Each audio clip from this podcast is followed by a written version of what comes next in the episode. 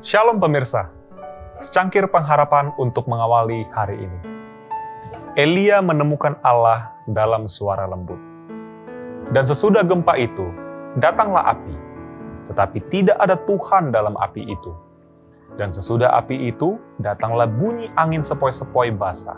1 Raja-Raja 19 ayat 12. Bukan dengan kebesaran kuasa ilahi, tetapi melalui angin sepoi-sepoi basah cara yang dipilih Allah untuk menyatakan dirinya sendiri kepada hambanya.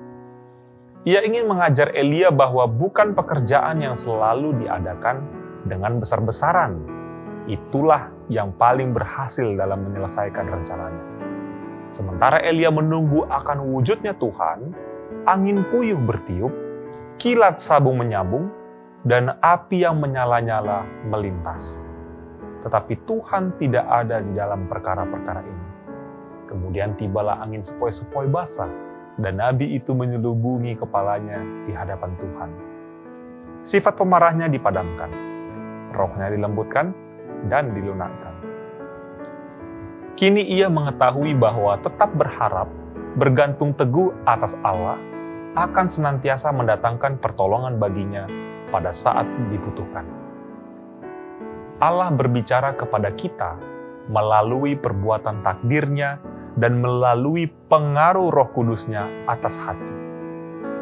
Di dalam segala keadaan sekitar kita, kita dapat memperoleh pelajaran-pelajaran yang amat berharga jika hati kita terbuka memperhatikannya. Allah berbicara kepada kita di dalam firman-Nya.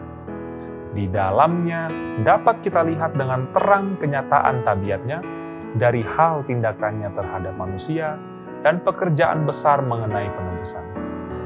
Dengan inilah di hadapan kita dibentangkan sejarah para bapa-bapa dan nabi-nabi, orang-orang saleh zaman dahulu kala.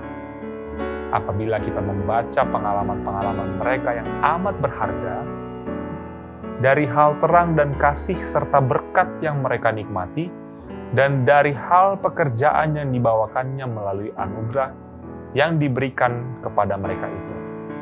Maka roh yang menggerakkan mereka menyalakan api keinginan yang suci dalam hati kita dan dalam tabiat sebagaimana mereka berjalan bersama Allah.